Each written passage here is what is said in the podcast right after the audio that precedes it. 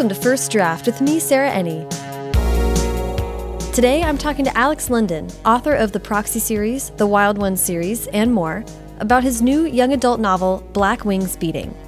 Alex has so many interesting things to say about the inherently patriarchal structure of narrative, exploring queer heroism, and why Jonathan Franzen owes him a thank you note. I hope you enjoy the conversation.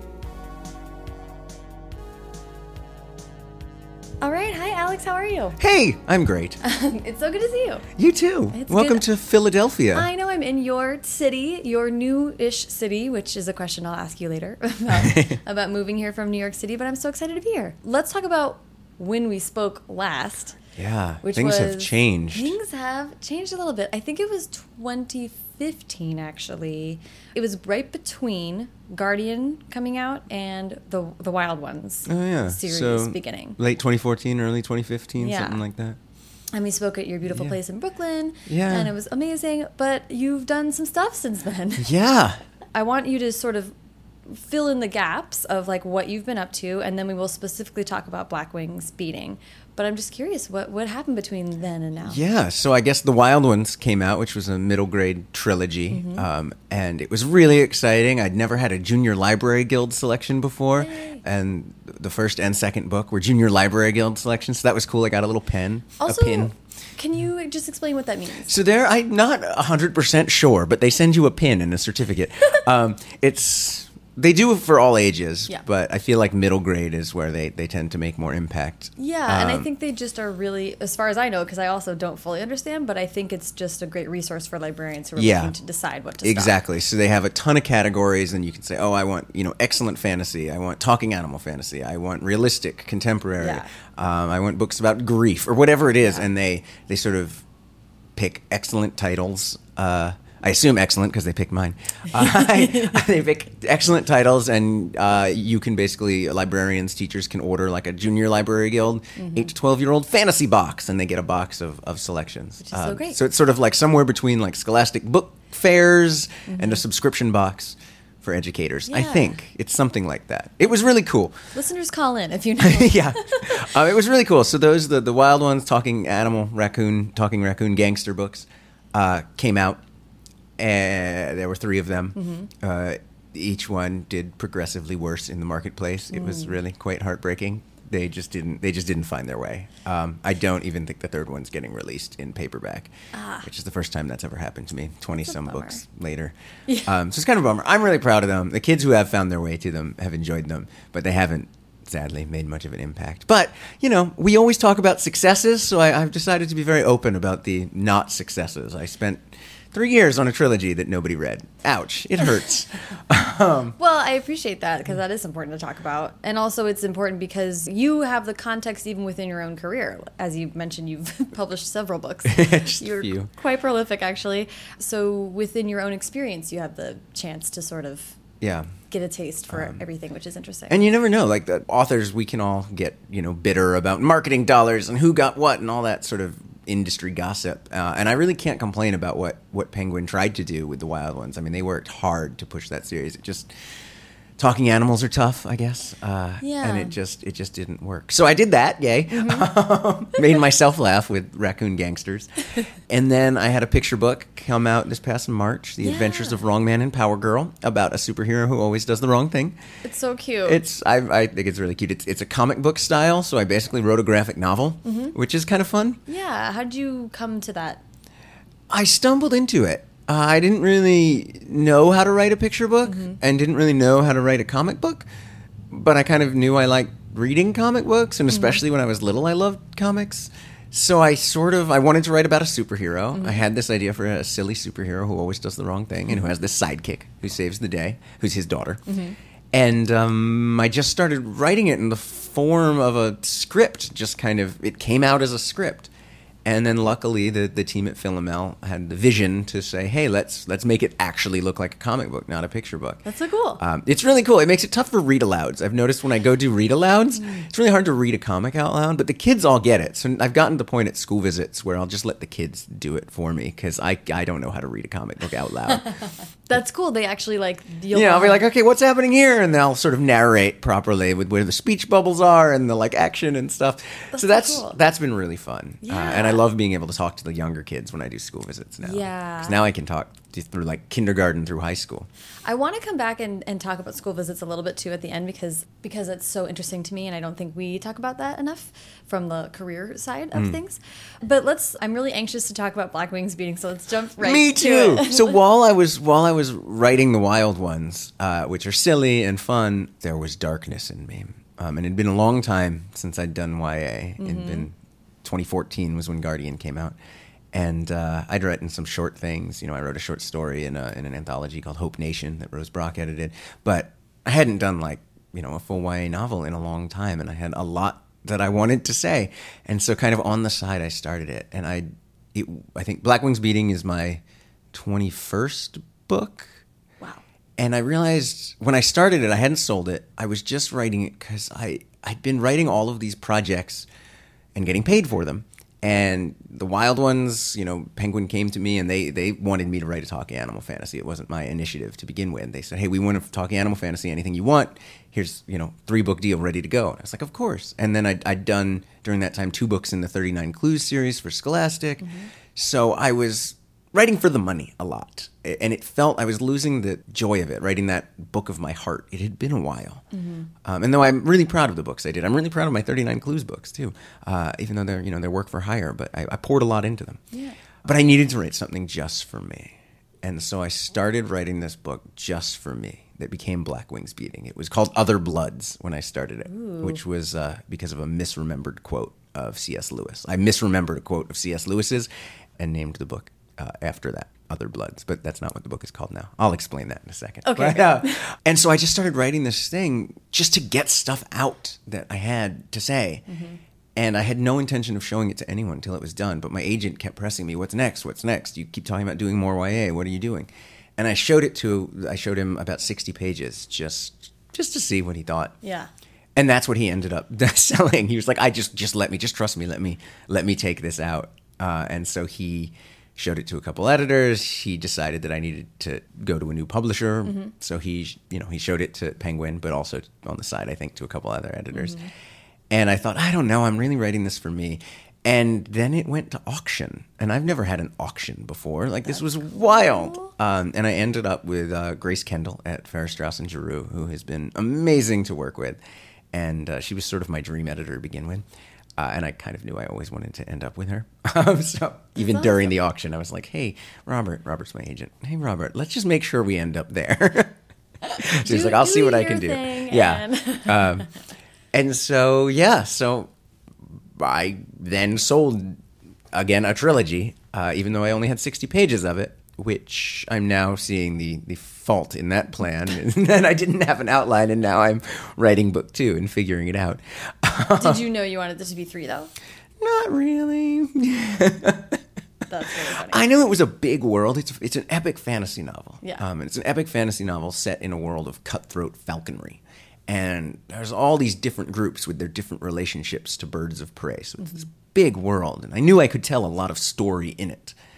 I just didn't quite know what the lots of stories were yet.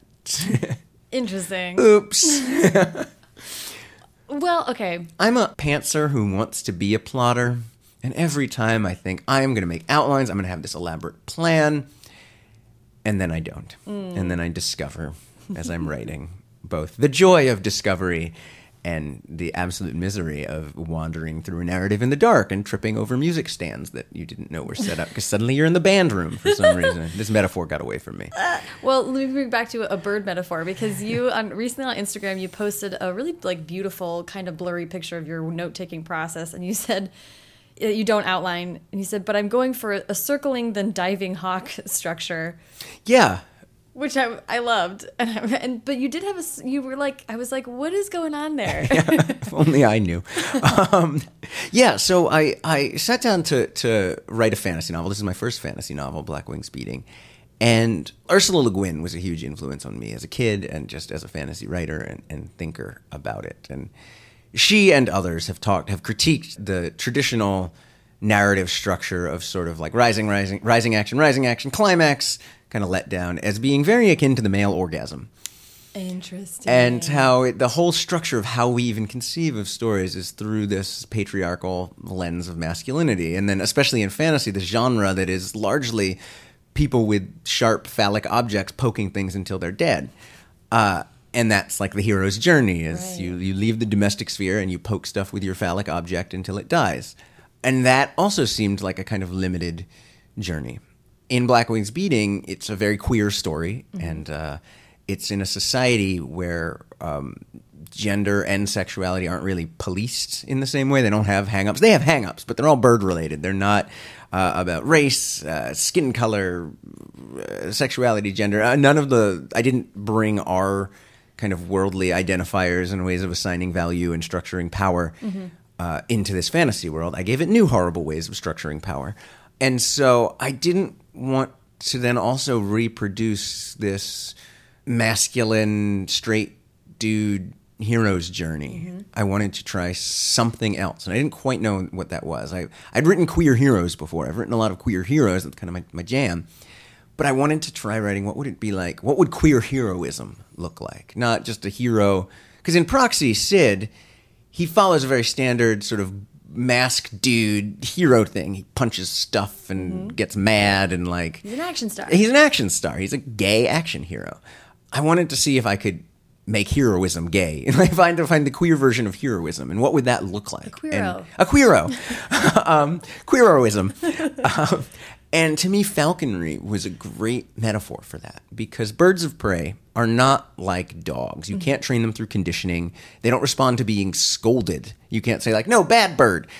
If you move too quickly or too aggressive or upset in any way this bird of prey, they can fly off and leave you at any time. Anytime they want. They don't have to come back. They leave. They can also attack you and rip your face off. They have talons that are very strong, beaks that are very strong. They're violent creatures um, who are really perfect at killing. So, in order to be a powerful falconer, in order to attain power in this world of Black Wings beating, you have to be kind and nurturing and gentle. Um, your gentleness is a source of your power. And for someone raised with this kind of view of masculinity and violence, which which one of our heroes, Bryson, has, he, he his father in the story is very violently abusive towards him, and he uh, he has this view of violence where achieving violence is seen as, as a value for him, and a lot of his struggle is trying to be a great falconer and master violence while being afraid of his own gentleness and mm. having to balance that and realize that his power comes from his gentleness. Yeah, this is like a world where toxic masculinity is that like actually undermines success. Exactly. That's Exactly. fascinating. Okay, I have a lot of questions, and I'm trying. I'm trying to line them up in the right order. But to establish more early on about the book, so we can keep talking about it in more detail, I want to know how you decided to make a book about birds. Right.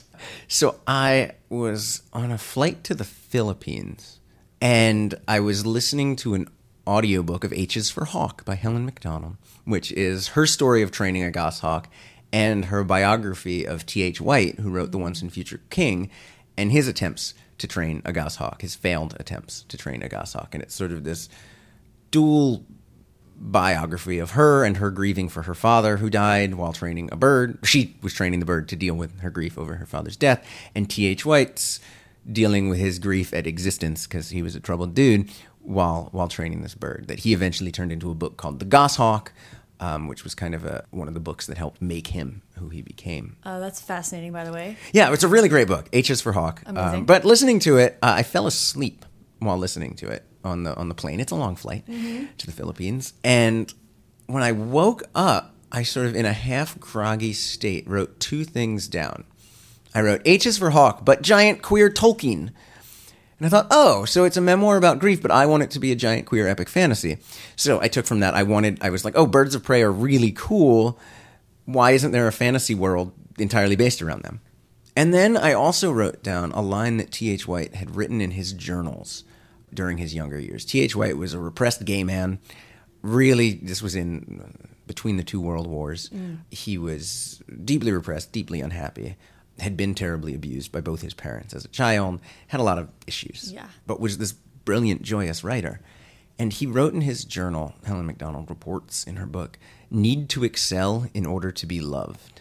And that just hit me when I heard that. I woke up and wrote it down Yeah. and could not stop thinking about it because that, I mean, that sounded like me and my entire worldview of like, oh, I need to achieve stuff. I mean, I've always been a kid who's like, you got to get good grades. If you fail, you're unlovable.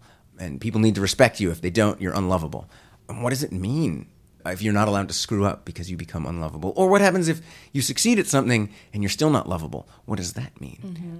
And that sort of angst that I carry with it, it just it just hit me so hard that I was like, I can I want to write a character dealing with that. It was a way for me to process my own worries as I was flying to the other side of the world to do a book event that I did not feel worthy of doing in the Philippines. And I was like, mm. everyone else who goes there, there are all these famous YA writers, and who am I? And so I was like, what am I doing? And I better not screw this up. Mm. And so I was dealing with all of that. And simultaneously, like Birds of Prey are really cool. And so I immediately started reading up about Birds of Prey and all the amazing things they can do, and how pretty much every culture has at some point invented falconry and it's a fascinating subculture in every culture. And then the more I thought about it, uh, and the more I watched birds, obviously I didn't just read books. I went and I, I looked at birds and I searched for hawks, and then I eventually went and did some falconry myself with a, a local Pennsylvania uh, master falconer.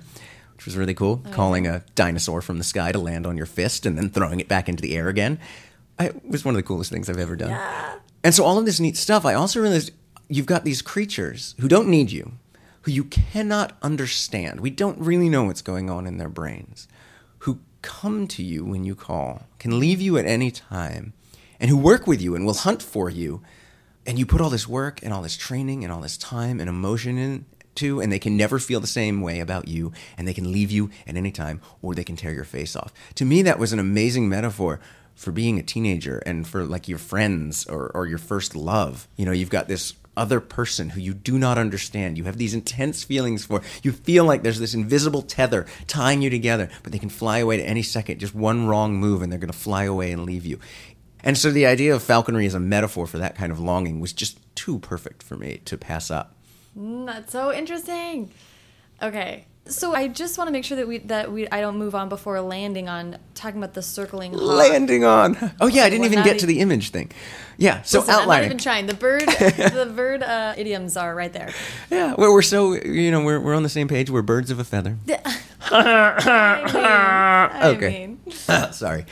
Um, so yeah, so I sat down to write this fantasy story, and it is a quest story. I mean, Kylie is, is his sister. Uh, Bryson and Kylie go on this quest, and so it has that typical sort of Lord of the Rings embarkage on a quest structure, leaving your home to go. Capture this this mythic ghost eagle, which is what they're trying to do. So it's it's basically Lord of the Rings, but instead of a ring, it's um, giant killer birds, and instead of hobbits, it's queer teenagers Amazing. so I I wrote the first book with this quest sense. Right. Um, so it, it's much more typically structured. So my circling hawk outline that you saw in my notebook on Instagram is for the second book, where I really wanted to go deeper and use a structure. I wanted to use something from nature to see if there was a different way of telling a story that was compelling and interesting that would still be emotionally satisfying and a page turner that wasn't built on the like rising action climax structure. So I just I spent a lot of time staring out my window anyway, mm-hmm. um, watching birds. There's a hawk in my neighborhood that sometimes lands right out on this tree outside my window in my yard. So I spent a lot of time like waiting for that hawk to show up or seeing it flying around and hoping it'll land in my yard. Yeah. So I realized, wait, this is exciting. I'm like I'm excited watching this thing circle. Is he hunting? Is he just coming to land? It's actually a mm-hmm. she, I think this one. Their females tend to be bigger and this is a mm. pretty big one. So I think it's a she. So the thrill of watching her circle and circle and getting sort of a tighter spiral and then dive onto something I can't see seems like, oh, wait, that could be a really cool action novel structure. So, how do I do that on a chapter to chapter basis? So, I kind of plotted out kind of the action I wanted to happen, and the structure was essentially seeing if, if I could start like longer chapters and then getting shorter and shorter and changing the point of view faster and faster and faster uh, until that moment of the strike where it's like, whoa, that thing just happened. And then the conclusion. So it's still kind of a climax structure. Right. But in my head, it's modeled different. And I don't know that the reader will be able to tell. Right. Honestly, I think it will still read like a standard fantasy adventure novel. But I know in my head its bones are different, and somehow that was important to me. That's so cool. And and I think it's cool because you so I mean you did outline but it still gives you the flexibility. Yeah. To move within that structure. Yeah, and so my, my outline points are very vague. Mm-hmm. Um, I wish they were better. I think this would be a really cool thing to do, this outline, if I were better at outlining. Um, I probably strayed pretty far from it in the actual in the actual book, but in theory, it's super cool. So my points are like, get to this place, or Kylie needs to realize this, Mm-hmm. and so they're really vague things. I think that sort of outline would lend itself better to more detail, which for book three I am going to try and do. Mm-hmm. Are you still going to try circle? I'm gonna try that, yeah, because I think I've, I've, especially as I'm now revising book two, I'm, I'm straying from any sort of structure I made and Mm-hmm. just trying to get the story out clearly because it's a hot mess right now. uh, and, and yeah, sometimes you just need to stop the bleeding. Uh, Yeah, and yeah, yeah. it's it's not about pretty stitching. It's like no, there'll be a scar.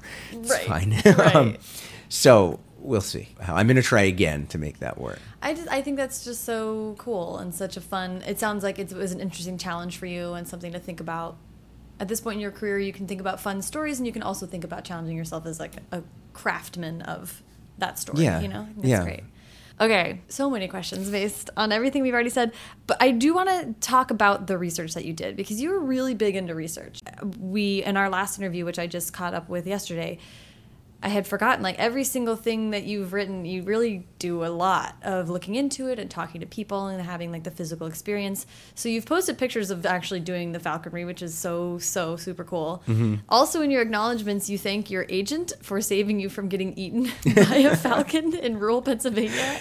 Yeah. Can I please hear that story? Yeah, so uh, we went to do falconry. Um, I found this master falconer, Mike Dupuy, um, who also he runs a business called Mike Dupuy Hawk Food, and I'm now putting a plug in for. So if you need food for your hawks, check out Mike Dupuy Hawk Food. The best quality hawk food. I don't know. I don't know what makes hawk food good, but he makes hawk food. your hawk won't complain. your hawk won't complain. Your hawk will keep coming back if you feed it. Mike Dupuy Hawk Food. Uh, uh, so I found this guy who was willing to talk to me and answer questions and let me meet his birds and try a little falconry for myself. We didn't go hunting because he wasn't ready yet to actually hunt with any of the birds. Uh, we did try and capture a wild hawk. He had a permit left to capture one hawk. And so at the end of our day, when I went out there, I brought my agent with me. I was like, I don't want to drive out to central Pennsylvania, like four hours away, on my own to this farm. I have no idea what to expect. And the whole drive there was this was during the campaign, and it was all like Trump Pence signs everywhere. And I was like really alarmed by where we were. Mm. And my agent, who's also another gay man, uh, we were both just driving there, like, what is going on? well, and am I clear that your husband didn't want to go because he hates birds? And my husband would not come with me. He hates birds. He's afraid of birds. He has been attacked by multiple birds in his life. oh, so that, that's fair. So it's fair. It's based on something. None of them were birds of prey. It was like a pigeon. yeah, and like I think a parrot tried to bite his hair once, Oh, and like no. just he does not have good luck with birds. It's the irony that I'm doing a bird series now. Um, yeah. so sorry. So my husband was not with me, so my agent, earn, earning his fifteen percent, was like, "I'll go with you. Let's do this." And so we drive out to the middle of nowhere. Side note: pulled into the one driveway with a Clinton Kaine poster. I was relieved because it would have been an awkward day, and spent some time with the falconer. He has uh, a couple Eurasian eagle owls that are the humongous owls um, that we were not allowed to hold because owls will mess you up. But he did. He sort of took them out and showed us and fed them. And he brings them. He'll actually come down to Philadelphia with them to do Harry Potter exhibits. He does a lot of you know Ren fairs and that kind of stuff with Amazing. his birds. So he did. Uh, he has his Hedwig owl that he shows off. so cool. Um, it's really cool. And then he's got a collection of uh, hawks and falcons. And we met his favorite, which is a goshawk. They're they're known as like the lunatics of the bird world. That's what they're called. They're they're they have a reputation as madmen and killers. Um, they're actually amazing birds. They're just very difficult to train, so they got this reputation. Um, and they're they're they tend to be on the larger side, so people tend to be scared of them. So we uh, we eventually went out not with his. He wouldn't let us do the goshawk because that would that would his favorite bird, and he didn't want us to lose it. Again, they can fly off at any time, and he would I thought, okay, if he if he if he loses the bird, he lost his bird. If some tourist visiting loses his bird, he's going to be pretty upset. Mm-hmm. So he had his tamest, I think seventeen year old, some old bird, JJ, the Cooper's hawk. JJ for John J. Audubon, who he uses at demonstrations and with kids and everything. So the bird tends to be Oh, very yeah. loyal. Brought JJ out and we put on our gloves and JJ, you know, sits on our gloves and eats a little severed chicken leg out of our hand. And then you cast your arm up, you sort of toss your arm up and the bird lets go and flies off. And flies around, goes up into a tree, lands on the house, and you call it back when the little chick you're waving this chicken leg in your glove, and then the bird flies back down and lands on you. And that first time when it flies back, there's this feathery dinosaur flying at you with its beak and its wings open wide and its talons come up to grab on you. And I flinched the first time and then sort of turned. And my agent was like, Be still. And then the bird flew around and landed. So it wasn't, he didn't really save me. He just sort of like calmed me. Yeah. Um, but then we did it a few more times and, and got comfortable with it, and it was just absolutely amazing. They're shockingly light. Obviously, they're birds; they're very light. It weighs almost nothing, um, and I was blown away by that. For some reason, it looked like it would be heavy. Well, yeah, they look very substantial. Yeah. Right? And then you're like, oh, yeah, feathers, hollow bones. Right, hollow bones. Yes. Um, so yeah, and then uh, I was lucky during the course of researching this. I went to St. Louis to do some school visits, and the owner of Main Street Books in St. Charles, Missouri, uh, before she owned the bookstore there, used to be used to work at the World Bird Sanctuary and rescue birds of prey. So she took me there to meet some amazing, amazing birds of prey, and I got to meet a golden eagle.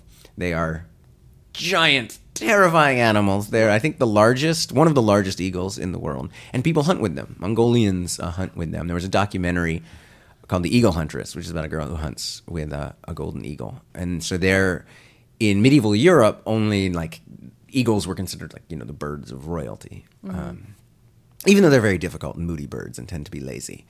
So I got to meet this mad-eyed golden eagle, That's so um, cool. and that helped me kind of create the giant mythic killer bird in Black Wings Beating, is Mm-hmm. the ghost eagle that is larger than any actual eagle.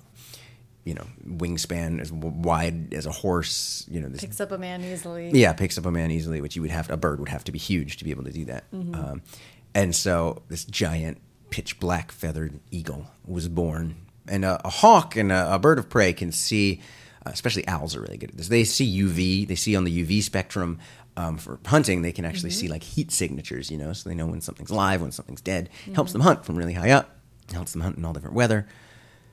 So I thought, how cool would it be if, if my like big bad monster bird couldn't just see like the heat signature of living things, but could kind of see the thoughts and the fears of living things. And so the ghost eagle in Black Wings Beating messes with its prey's mind before it actually kills them. And I thought, oh, that's even creepier. I just took giant killer birds and made them creepier. It's yes, because there is something so uncanny about staring into the eyes of this beak and taloned intelligence, and I wanted to take that to the next level of creepiness. Yeah, the like unblinkingness, you know, there's no telling Yeah, yeah, exactly. what's going on in there. And there's that is something unnerving about that. Yeah.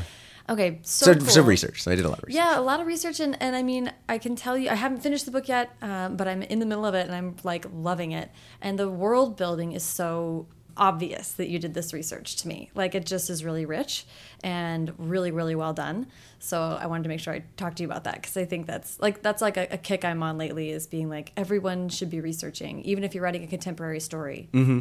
there is still uh, room to try to make sure you get it right and to smell the things and be in the places and all that stuff to whatever extent you can, you know? Yeah, I totally agree. It pays off. especially in contemporary. I came, you know, coming from journalism as my first writing experiences were nonfiction, and so that's where I learned about world building. Was Mm-hmm. okay if you're going to take this real person and real experience and real stuff going on and build it for a reader who knows nothing about this or, or almost nothing about this.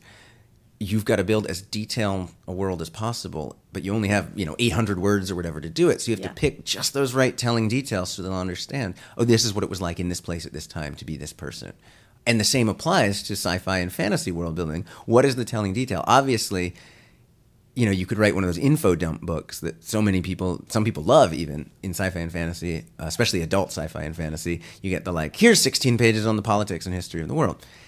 Those things always bored me. Um, and I feel like especially in YA, when you're writing, you know, 80, 90,000 word book and your, your readership tends to have a slightly shorter expense, attention span than, you know, the huge, massive tomes that sometimes find their way into adult fantasy. Oh, yeah, I would say rightfully short attention Yeah, spans. yeah. Like, get to the point. Get to the point. Uh, so I feel like you can say more in just picking a few telling details and trust your reader to extrapolate.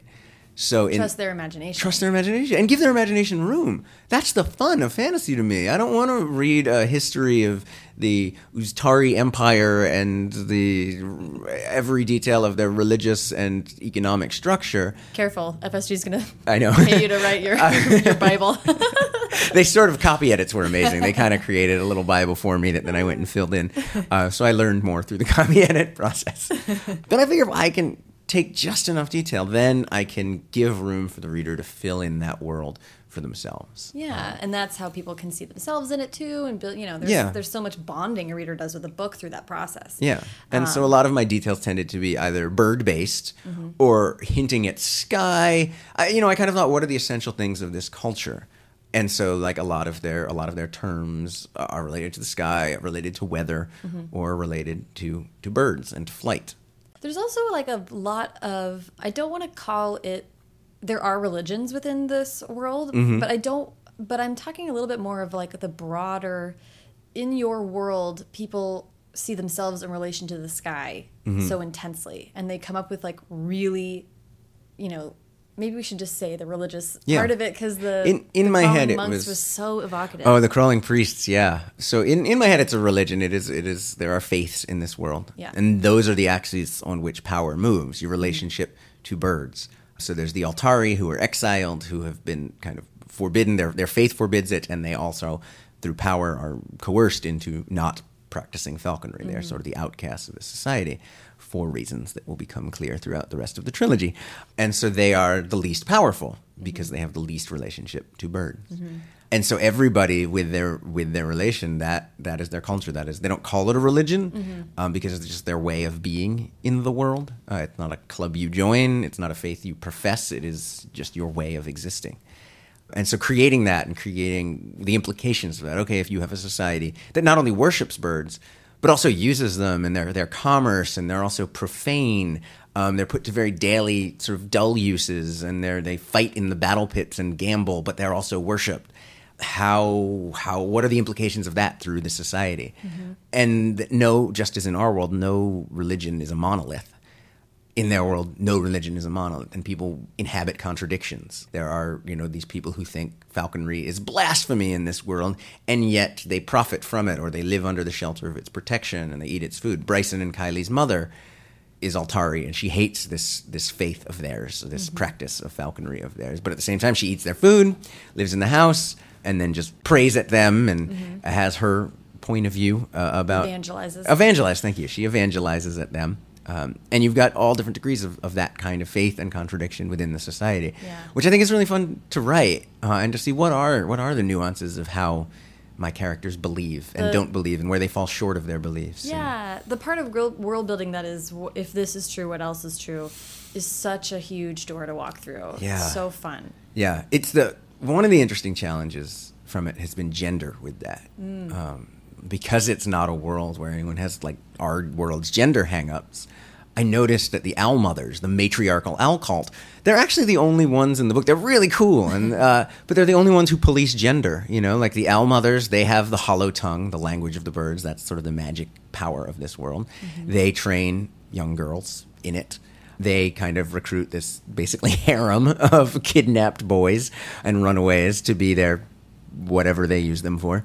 I'm a little vague about that in the Oh, story. Are you there yet? I don't want to. No, not there yet. Oh, so you'll you'll meet the owl mothers. They're awesome. I'm super excited about it. But I noticed after I kind of wrote the first draft that they're the only one like they have a strict binary, and I was like, oh, that's interesting because that's not anywhere else in this world. And I didn't mean to do it, but I also really dug this matriarchal matriarchal owl cult. Mm-hmm. So I was like, okay, like thinking about the rules for that. Well, there's Um, also I. You just mentioned that the female falcons are bigger, and Right. so within bird world there is some. Exactly. Um, they call male birds of prey which is because they're about the third a third of the size, and so it's like tier a third. Oh, Um, got it, got it, got it. so females tend to be much larger and, and they're more powerful. Mm-hmm. So I wanted to use that knowledge in some way in the in the human structures. somewhere. It had to be somewhere, so it was there through the owl mothers um, and through Kylee. I mean, her story. If Brysen's story is about embracing his gentleness, um, Kylee's story is about embracing her voice. Um, she's held herself back her whole life to not overshine her brother, to not draw her father's attention, to not participate in this falconry thing uh, for as much as possible. And she's been denying her own power and finding it, uh, finding her voice and finding her fury, and realizing that for her, that can be a source of power Mm-hmm. um, and is her source of power. Kind of that's her journey. So as, as Brysen needs to embrace her gentleness, she needs to, uh, yeah, embrace her kind of violent fury. Yeah. And they're and they're crossing these two. The, the, the yeah, Finding a place in the middle of that spectrum somewhere, right? yeah. Um, a little bit. So yeah, so so the gender stuff came from there. It was if all this is true, what does that mean for the owl mothers? And then and something I've been more struggling with in the second book is there. There's a trans character in in the first book, but uh, they play a bigger role in the second book slightly. They're, it's not a central character, but I do want my gender non-conforming readers to know that they're in this world.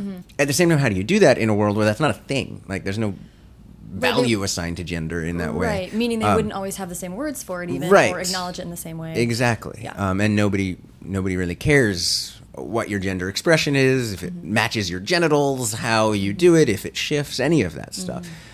But so thinking I'm not writing for fantasy readers of that world, I'm writing for readers in our world, Mm-hmm.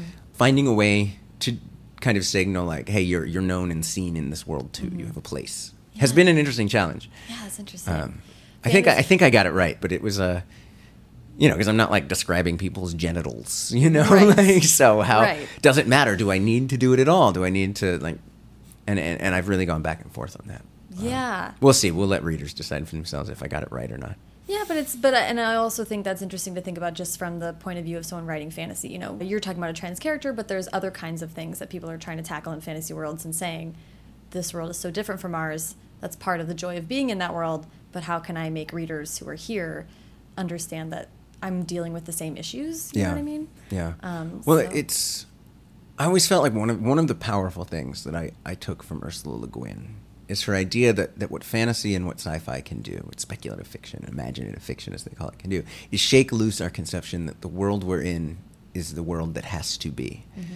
I want to explore that other worlds are possible, other conceptions of gender are possible, other conceptions of power are possible, other ways of being a hero are possible. Mm-hmm. And so coming with those assumptions that I cannot carry any of my own personal assumptions and biases and blind spots into this world uh, has been even to the point of lang- on, on a very simple like language level like background characters gendering background characters you know so often every soldier in the background of a story is a he Right. you know and making sure i am showing that is not the case uh, in this world Yeah, that's so interesting. and it, yeah, and it's just like having to think about extras in the book, people Right. with no lines. Right. How do I make sure that they fit this entire world that does not work like ours? Because there are there are other our world doesn't have to work like ours. yeah, that's really interesting. Well, I'm excited to, to read it and see how how. it Yeah, keep you. going. Yeah. Oh my god. Listen, I was up a little bit too late last night uh, getting into it. So the other thing, re-listening to our first conversation, which listeners should absolutely go back and listen to that one because You get to hear my dog. Yeah. Oh, Bubby, it was so good. And you said in that conversation that middle grade, I, I wrote it down. Middle grade always has to be something joyful to latch onto. Those ages are or should be a joyful time. And hmm. you just spent a lot of time in middle grade and uh, with the dog tag series and the wild ones and and then that, that pull to want to write about YA, I think you're talking about the darkness. Hmm. Then also in that conversation you talked about how writing proxy and actually to some extent the dog tag series was like a way of processing your experiences of being a war journalist mm-hmm. and talking about children affected by war, which was a big part of your early life. Yeah. So I was just, and then the uh, Brysen and Kaylee are dealing with the PTSD from being abused. Yeah, they're pretty seriously traumatized kids. Yeah. Um, so it seemed like they're, you're kind of coming coming back to this thing that's a really big concept for you. Yeah. So on the one hand, I think I, I probably don't agree anymore with my quote about middle grade. As I think about that, I'm like, I don't know that that's that joy is a requirement. Um, I don't know that anything's a requirement uh, for middle grade. Authentic middle grade interest, I guess. Authentic middle grade voices. But anyway, I have been thinking a lot about joy because I do want, especially now in our current climate uh, in America, want to find more joy in my books just because I'm just really sad all the time. Um, And I think joy in the face of, of trauma is a really great protest. Um, it's one of the reasons I love Pride parades uh, is and Pride Month. Yeah. it's kind of a hey, we're alive and we will rejoice, uh, and you will not kill us.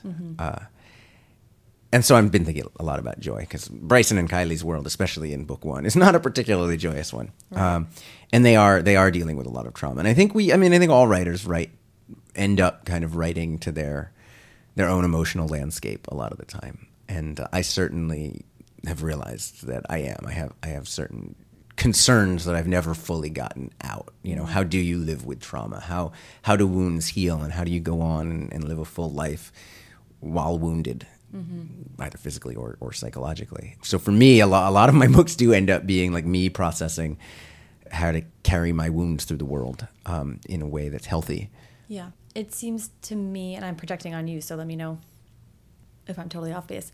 But not only the the actual trauma that you yourself experienced from being there and going through those things, but also what you witnessed. Yeah, and then much more. I mean, I, I didn't, you know, I, I certainly wasn't like attacked or anything in these places. So yeah, a lot of it was, was what I witnessed and, and just thinking, how do you how does a young person go on when the worst things imaginable have happened to them, but they survived?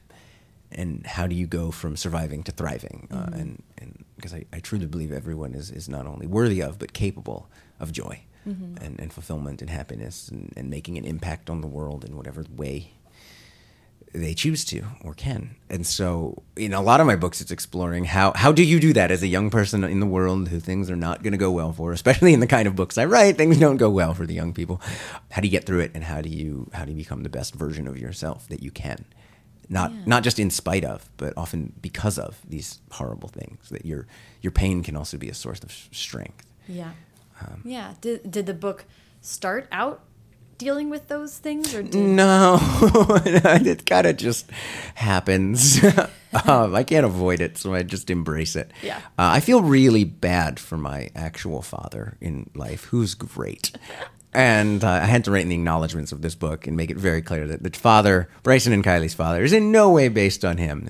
I, I said to my father the other day, I was like, You're going to read this and you're going to get upset. um, know that this father is in no way you. He's horrible and abusive and violent and all of these things. That is not you. He's, if anything, he's a metaphor for, for toxic masculinity. And there's a reason, spoiler alert, he's killed by a giant murderous bird in the first chapter. I was going to say the first chapter. yeah, I'm allowed to spoil the first chapter. Um, I do love that this book about, in a lot of ways, exploring toxic masculinity, which is another. I want to be careful about how I say this, but to me, there's it seems like this societal trauma we're putting on young men by not allowing them to talk about their feelings or experiences in this other way. I, I love that the book starts with you murdering toxic masculinity, and you're like, let's just establish that this is dead. Now, where do we go in the aftermath? You know, Right.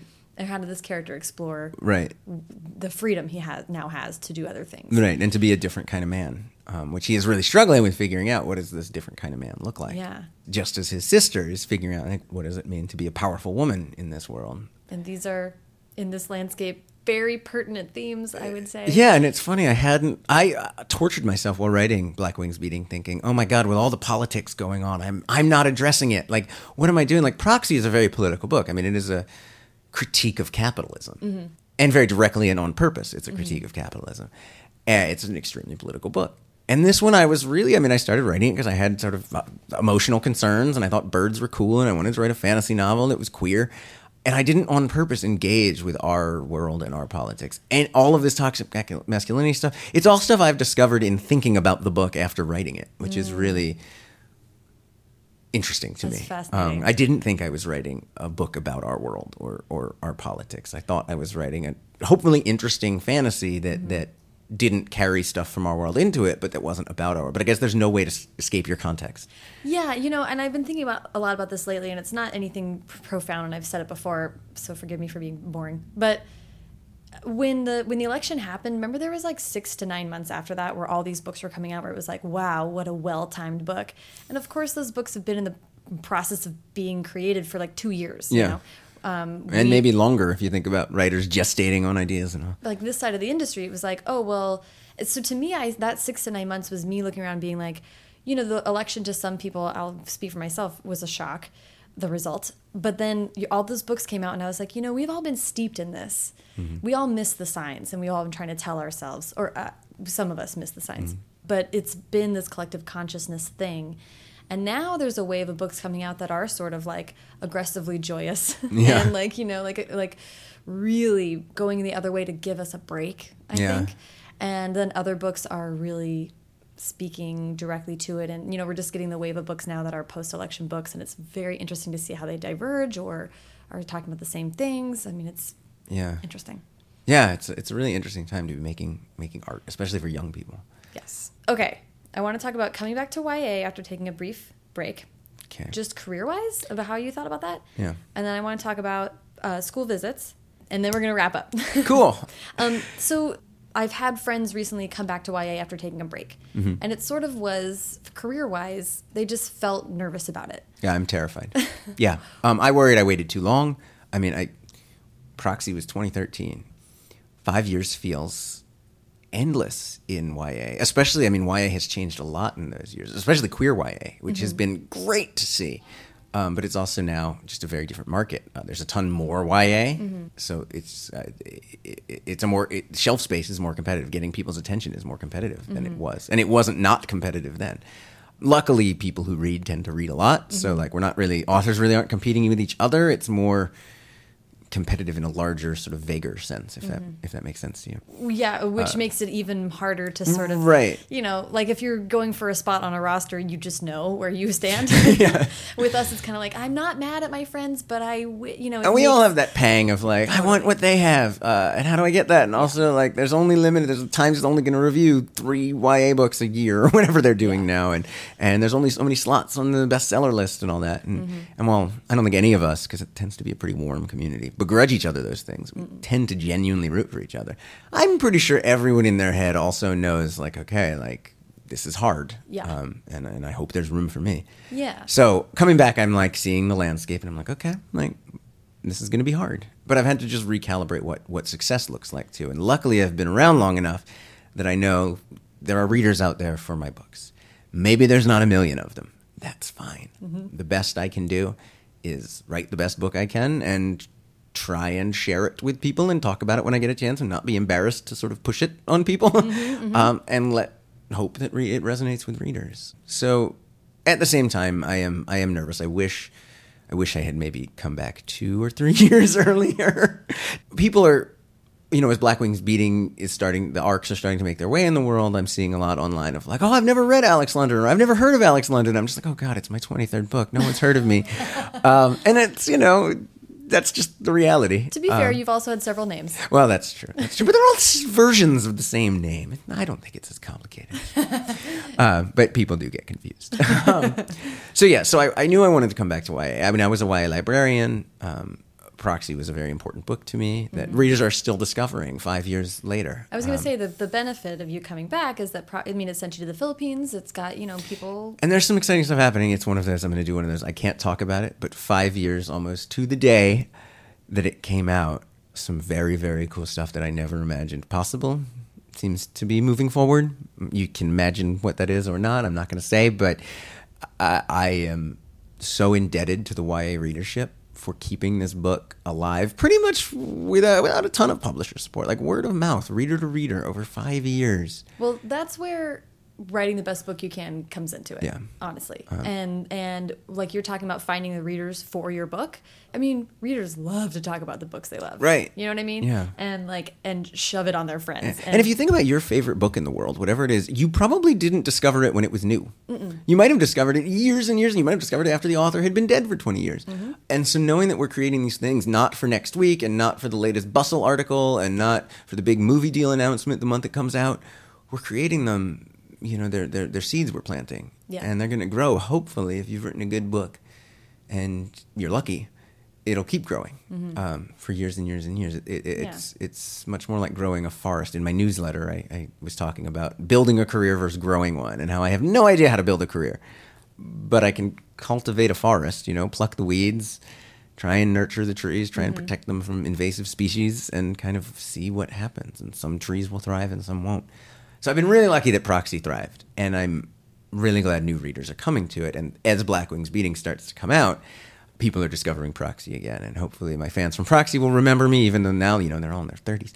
Um, I had there were fans of this book that are now publishing, getting their book deals announced, and it's blowing my mind to like awesome. see letters from from they wrote me in college, high school and college when they were aspiring writers, and now their book deals are getting announced, and it's so awesome to know That's that I, best. in some small way, got to be a part of their journey and and to carve out a little bit of space for them. You know, that's what we're all doing is we kick the door open a little wider for the next people, Mm-hmm. and so YA is really the space where I feel like I got to do that. Yeah. Um, and yeah, so I'm, I'm really excited to be back. I'm really nervous. You know, I'm, I'm very involved in the YA community, being Yeah. uh, being on the board of YALLFEST and helping plan that festival every year, which has been a blessing Mm-hmm. um, and a ton of work. I mean, I'm not a very organized person, so that's great. um, really a perfect role for me. Um, so I'm I'm hoping that the YA community embraces it because they have done so much for me over the years that I really I really hope they, they find this book worthy of the amount they have done for me and that Well, the, it and I think it makes me Basically, I don't want to disappoint you. Well, I am. I've been waiting for this book. I'm super into it, so you're not disappointing me on any level.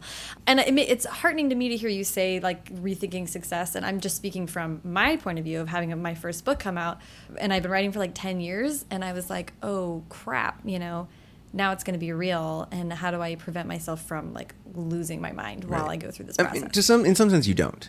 You're gonna lose your mind, Yeah. and that's okay. That's what I told and that's therapist. and you have yeah exactly. You teach. We all teach our therapists how publishing works. Uh-huh. Uh, my therapist is right down the street from here. It's great. Amazing. This, this feels like therapy, so Yeah, I'm not going today, but I, I'm basically getting it. Uh, and so I had to teach him about how publishing works, Mm-hmm. uh, which is great. He now knows what a P&L is,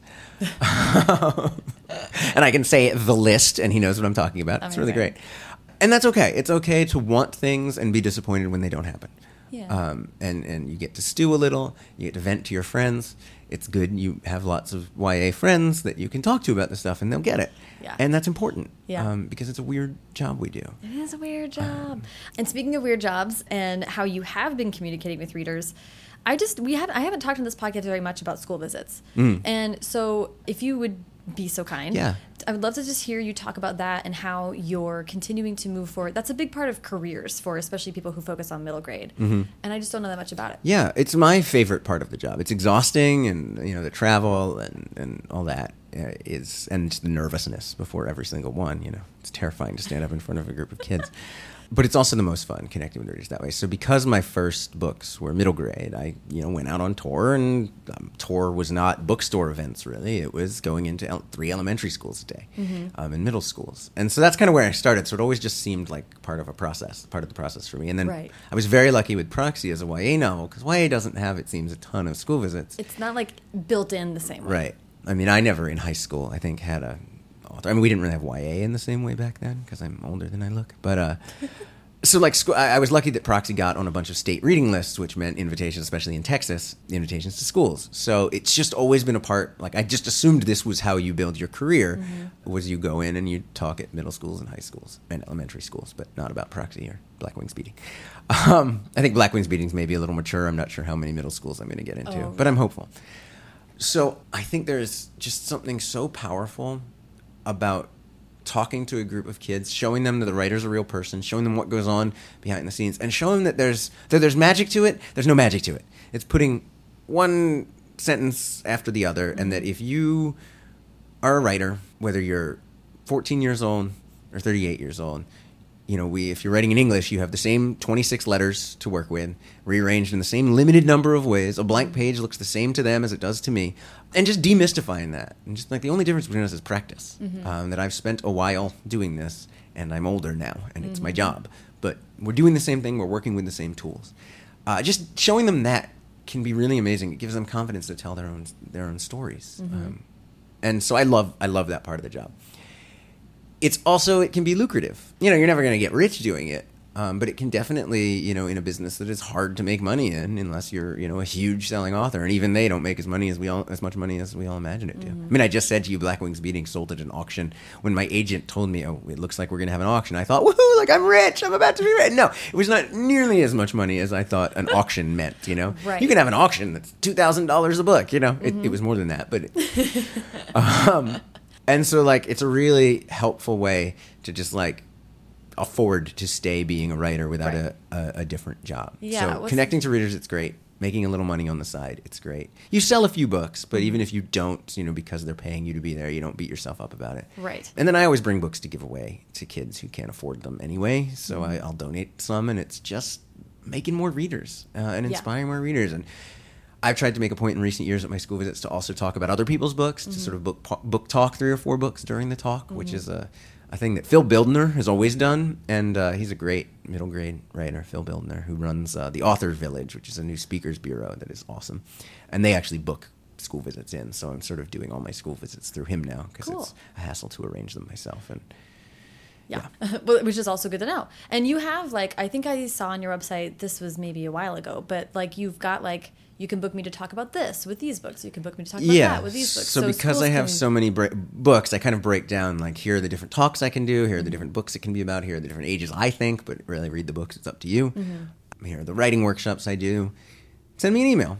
Yeah. Um, and it used to just go into my inbox, and then I would answer with my I had sort of a standard contract and that Mm-hmm. kind of thing that I took from that I borrowed and adapted from Adam Gidwitz, who borrowed and adapted it from Neal Shusterman. Who Neal Shusterman is like the king of school visits. Most of what I know I've learned from him or Adam amazing. and that's another another point about school visits is is people who do them love doing them and are evangelists for them. All of us. I mean, hear Jason Reynolds talk about school visits, and you're like, oh right, school visits are the most important thing any human can do, of course. um, and so most of us who do school visits want more authors doing school visits and Right. getting and getting gigs, especially underrepresented authors uh, who don't often get brought into schools. And so people tend to share resources. So if, if you are listening to this and you're an author who wants to do school visits, reach out to me, reach out to another author you see online does school visits and ask for their advice. Mm-hmm. Um, they will almost 100% of the time share it.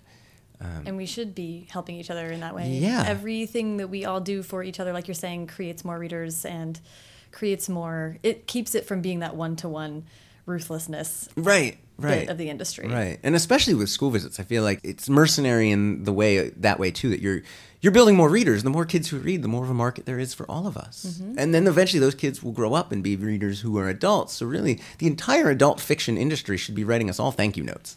Where's our thank you notes? We've been saying it Come for on, years. Jonathan Franzen owes me a thank you. I- if you get one, yeah, I have a feeling I could hold my breath for that. Would. It would not go it. well. I would love it. Okay, uh, thank you for doing that because that's just like I think something important to talk about.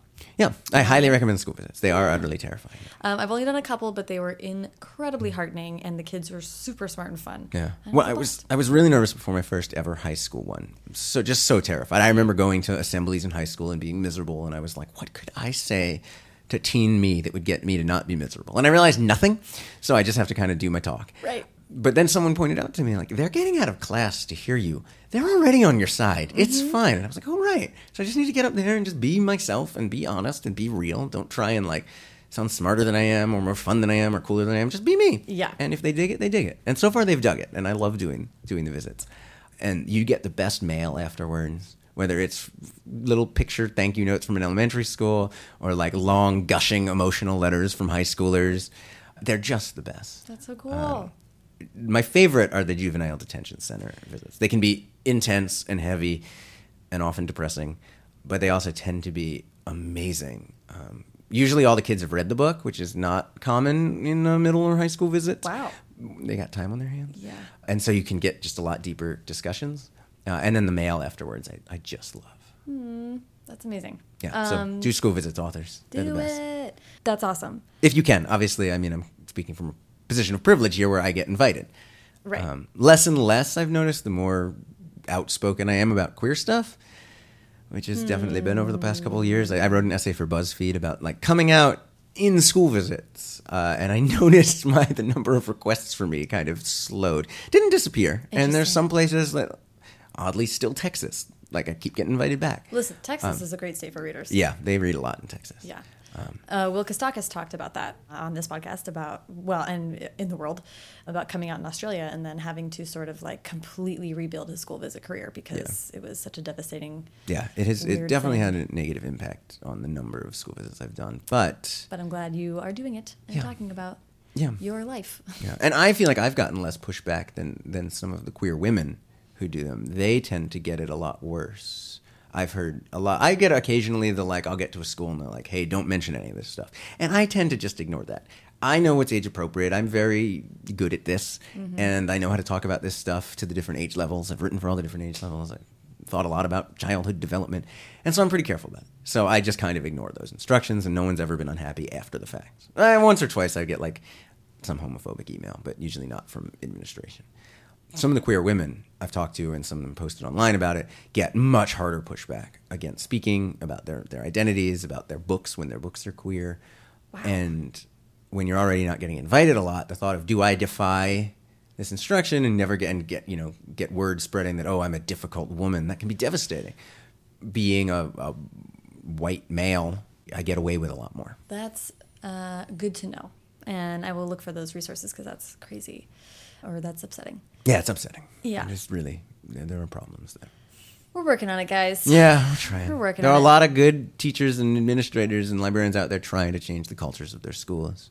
Funding is tight. Political will is hard. I don't fault them fully for the, the challenges they're having. Um, yeah. But we do need these days. We need everybody to be better at what they're doing. Correct. From school administrators to middle grade authors, everybody's got to step it up. Yeah. The stakes are high.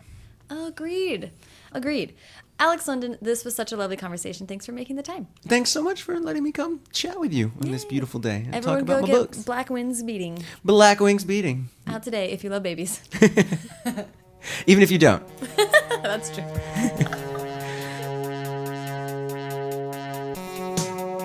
Thank you so much to Alex.